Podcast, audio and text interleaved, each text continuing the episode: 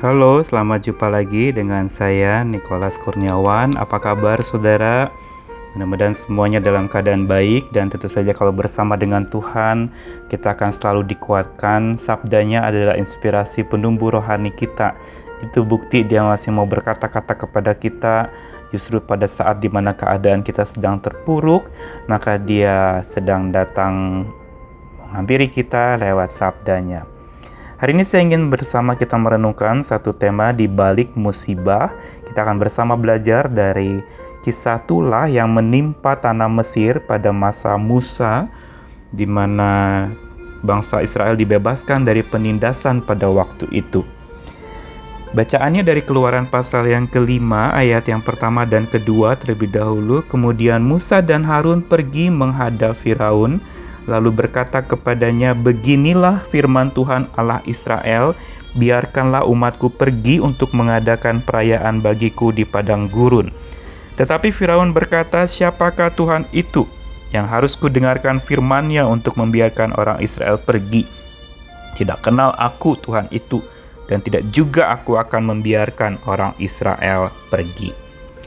Bacaan kedua dari Keluaran pasal yang ketujuh ayat 1 sampai yang ketujuh. Berfirmanlah Tuhan kepada Musa, Lihat, aku mengangkat engkau sebagai Allah bagi Firaun dan Harun abangmu akan jadi nabimu. Kau harus mengatakan segala yang kuperintahkan kepadamu, dan Harun abangmu harus berbicara kepada Firaun supaya dibiarkannya orang Israel itu pergi dari negerinya.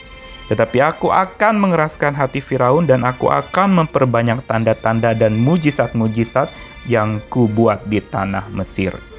Bila mana Firaun tidak mendengarkan kamu, maka aku akan mendatangkan tanganku kepada Mesir dan mengeluarkan pasukanku umatku orang Israel dari tanah Mesir dengan hukuman-hukuman yang berat. Dan orang Mesir itu akan mengetahui bahwa akulah Tuhan apabila aku mengacungkan tanganku terhadap Mesir dan membawa orang Israel keluar dari tengah-tengah mereka. Demikianlah diperbuat Musa dan Harun seperti yang diperintahkan Tuhan kepada mereka, demikianlah diperbuat mereka. Adapun Musa 80 tahun umurnya dan Harun 83 tahun ketika mereka berbicara kepada Firaun. Bacaan yang ketiga dari Keluaran pasal 12 ayat yang ke-29 30 maka pada tengah malam Tuhan membunuh tiap-tiap anak sulung di tanah Mesir dan anak dari anak sulung Firaun yang duduk di tahtanya sampai kepada anak sulung orang tawanan yang ada dalam liang tutupan beserta segala anak sulung hewan. Lalu bangunlah Firaun pada malam itu bersama semua pegawainya dan semua orang Mesir dan kedengaranlah seruan yang hebat di Mesir sebab tidak ada rumah yang tanpa kematian. Lalu ayat 40 sampai 42, lamanya orang Israel diam di Mesir adalah 430 tahun. Sesudah lewat 430 tahun, tepat pada hari itu juga keluarlah segala pasukan Tuhan dari tanah Mesir. Malam itulah malam berjaga-jaga bagi Tuhan untuk membawa mereka keluar dari tanah Mesir.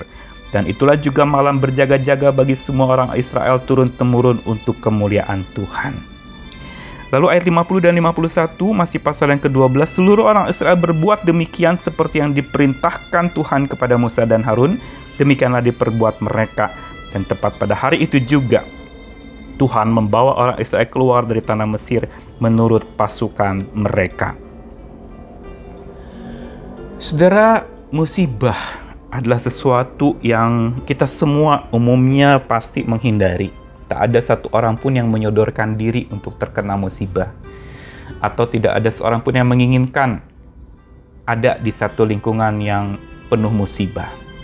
Apalagi hari-hari ini, hari di mana wabah penyakit yang menjadi pandemi ini secara global terjadi, menimpa seluruh permukaan bumi dan semua manusia di bumi. Tak ada bangsa yang tak kena peristiwa ini. Kita mau belajar tentang musibah. Saudara kata tulah di dalam Alkitab memang kata ini unik. Ada kata yang digunakan dalam bahasa Ibrani nega yang artinya penyakit atau serangan atau tulah. Lalu ada kata negep artinya kemusnahan, tapi ada kata lain berkaitan dengan itu yaitu ot yang artinya tanda-tanda.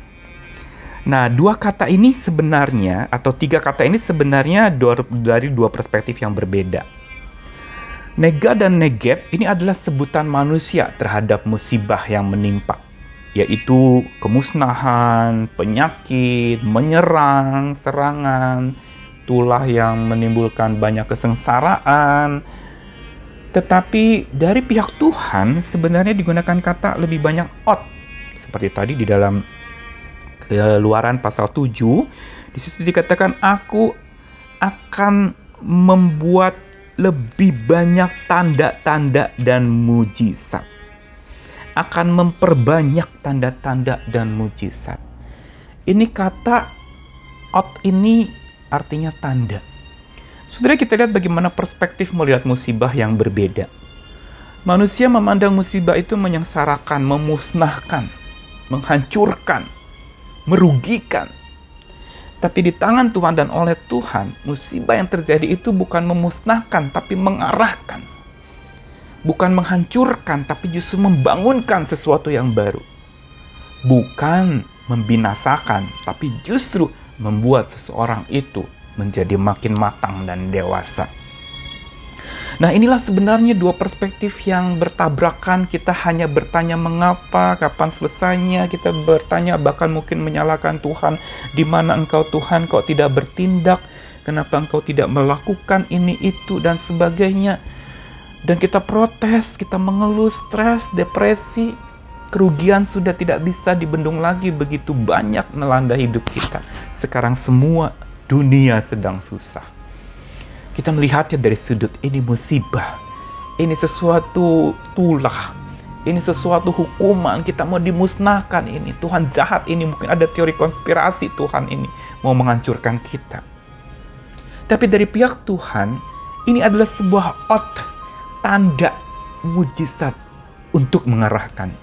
Bukan untuk mengalahkan dan memusnahkan Nah, di sinilah kita yang dengan perspektif keterbatasan kita harusnya memang mengklopkan atau belajar dari perspektif Tuhan melihat musibah.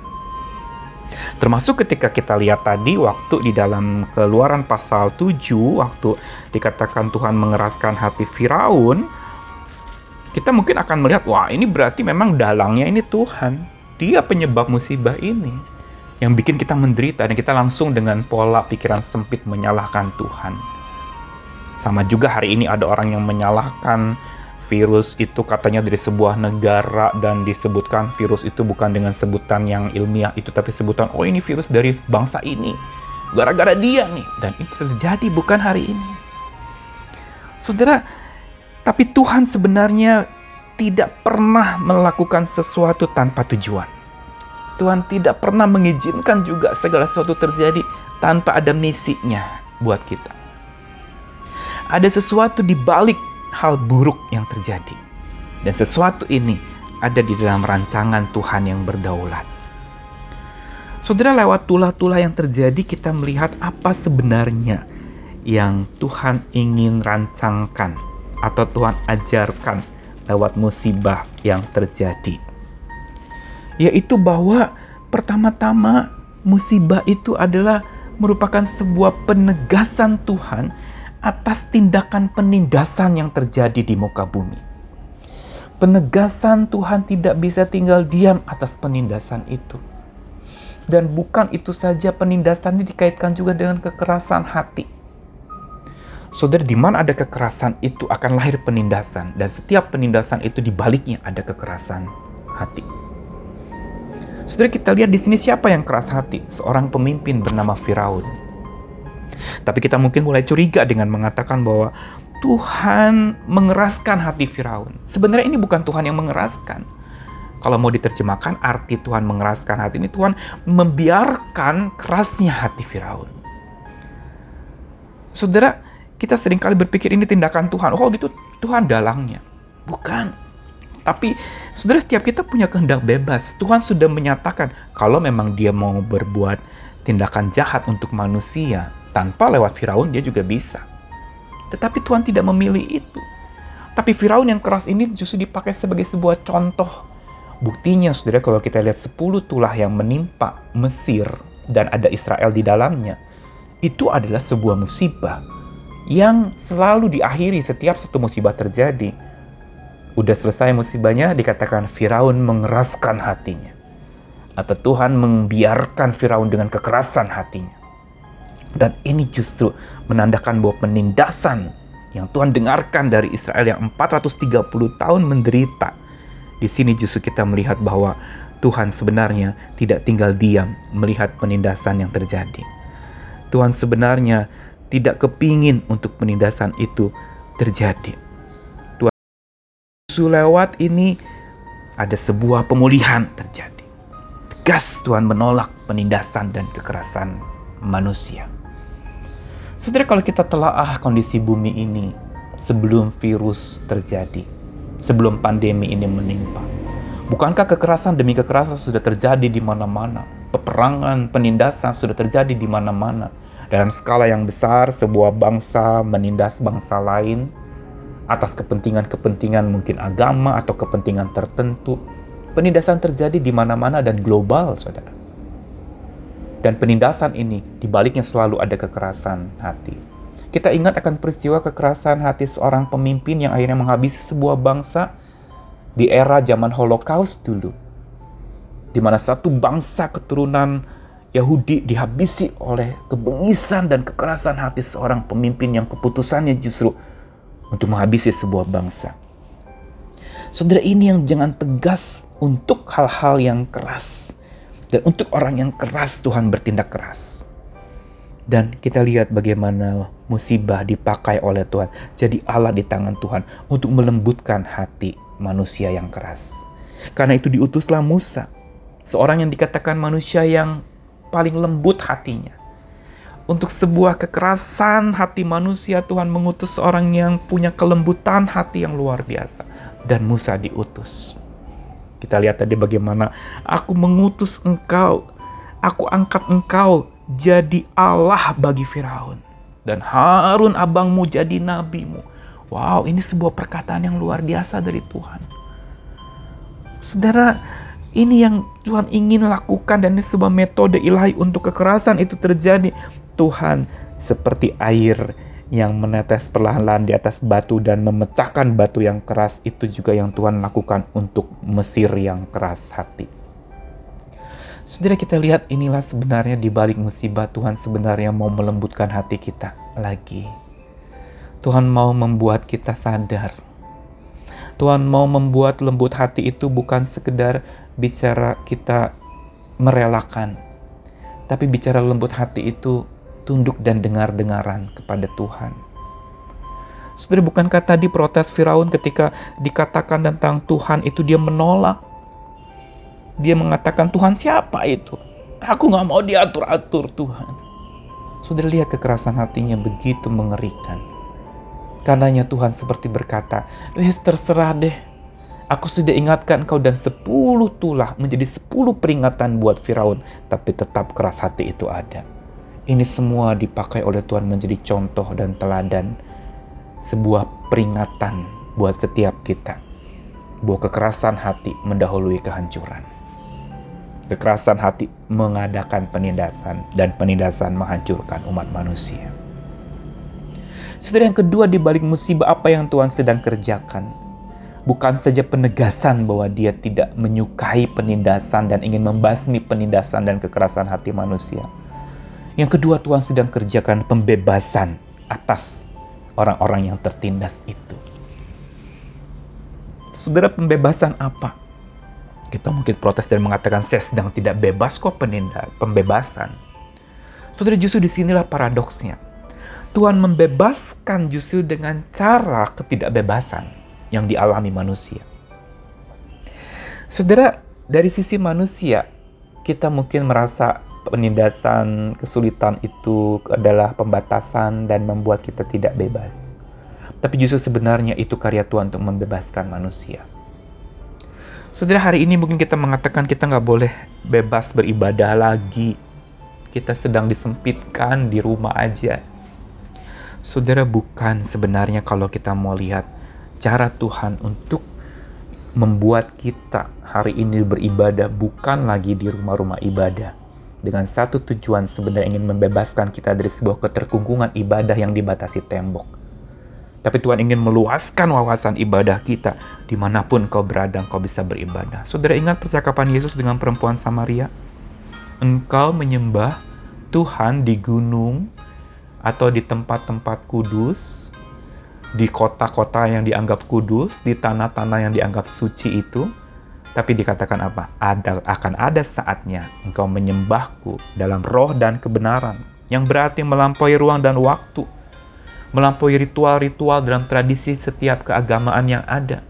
Tuhan ingin menunjukkan sebuah spiritual yang lebih luas dari sekedar ritual-ritual yang dilakukan umat beragama dalam penyembahannya kepada Tuhan. Saudara, ini sebenarnya pola yang Tuhan sedang kerjakan lewat cara yang paradoks pembebasan lewat ketidakbebasan. Tuhan justru ingin membebaskan kita. Sudah ingat cara hidup jemaat mula-mula?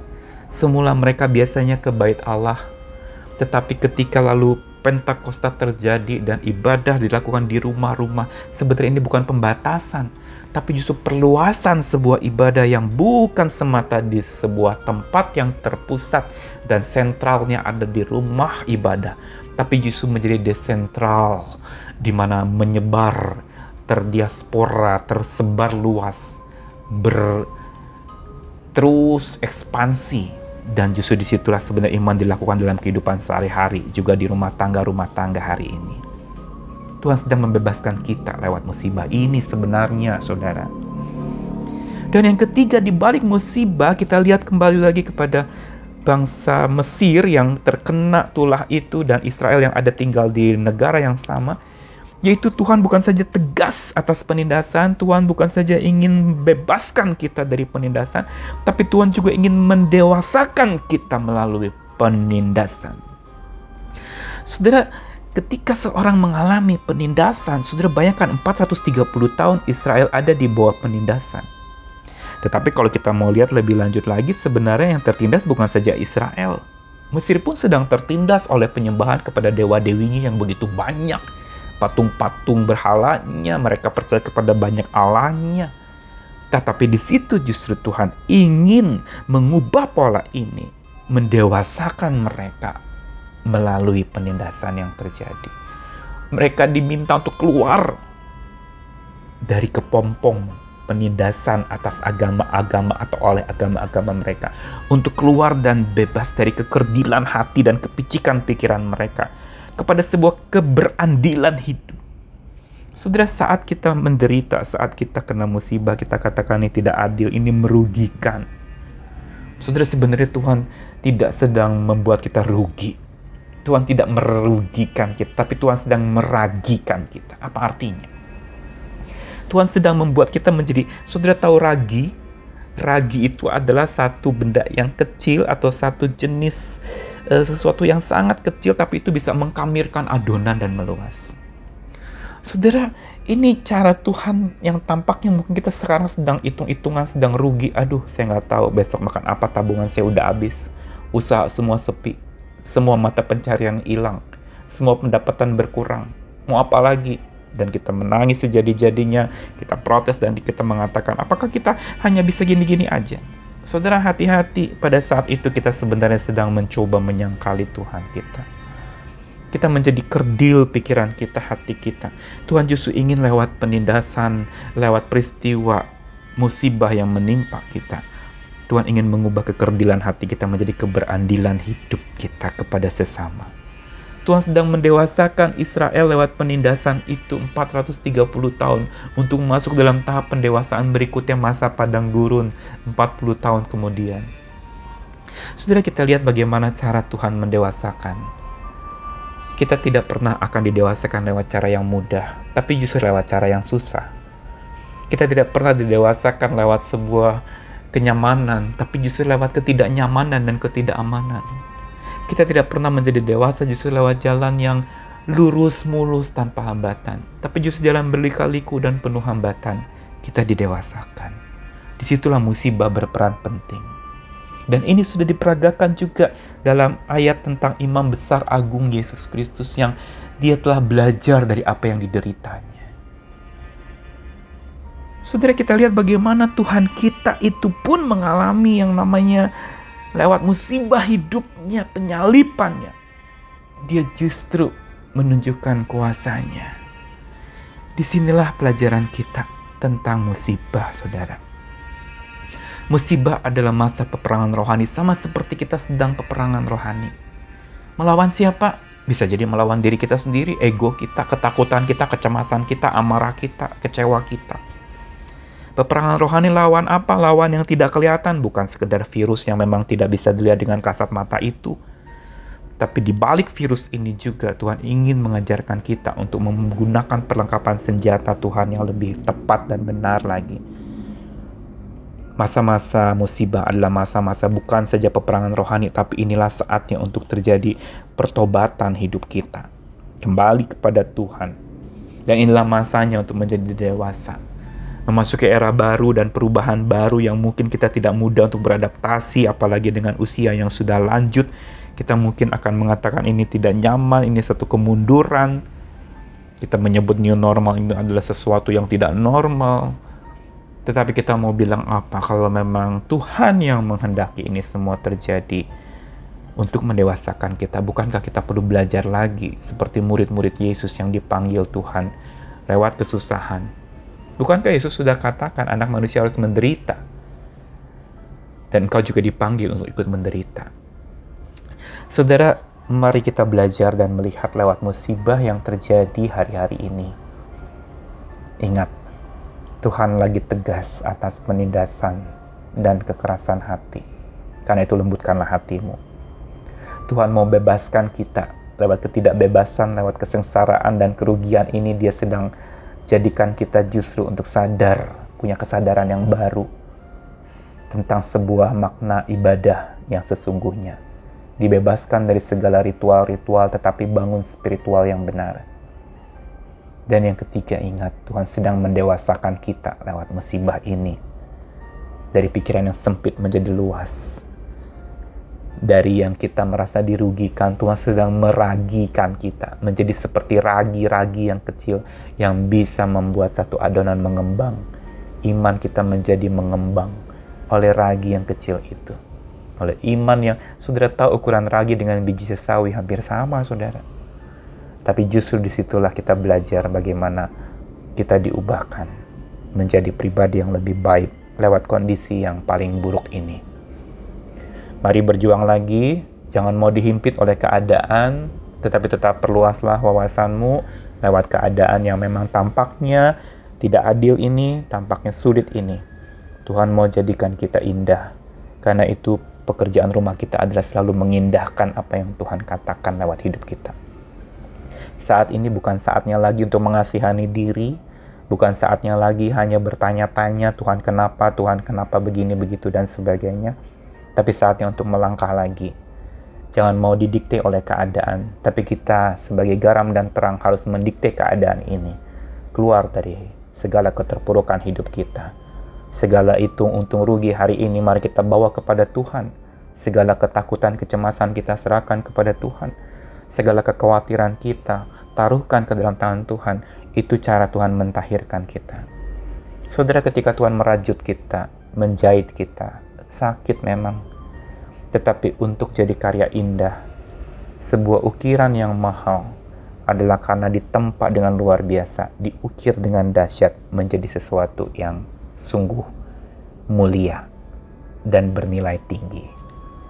Mari berjuang lagi, saudara dalam apa pun juga yang kau alami, musibah yang hari ini kita alami, biar mengajar kita untuk makin tegas, makin terbebaskan, makin dewasa oleh kuasa Tuhan. Selamat berjuang, selamat memasuki era baru, hari esok bersama dengan Tuhan Sang Pemegang hari esokmu. Salam juang. Amin.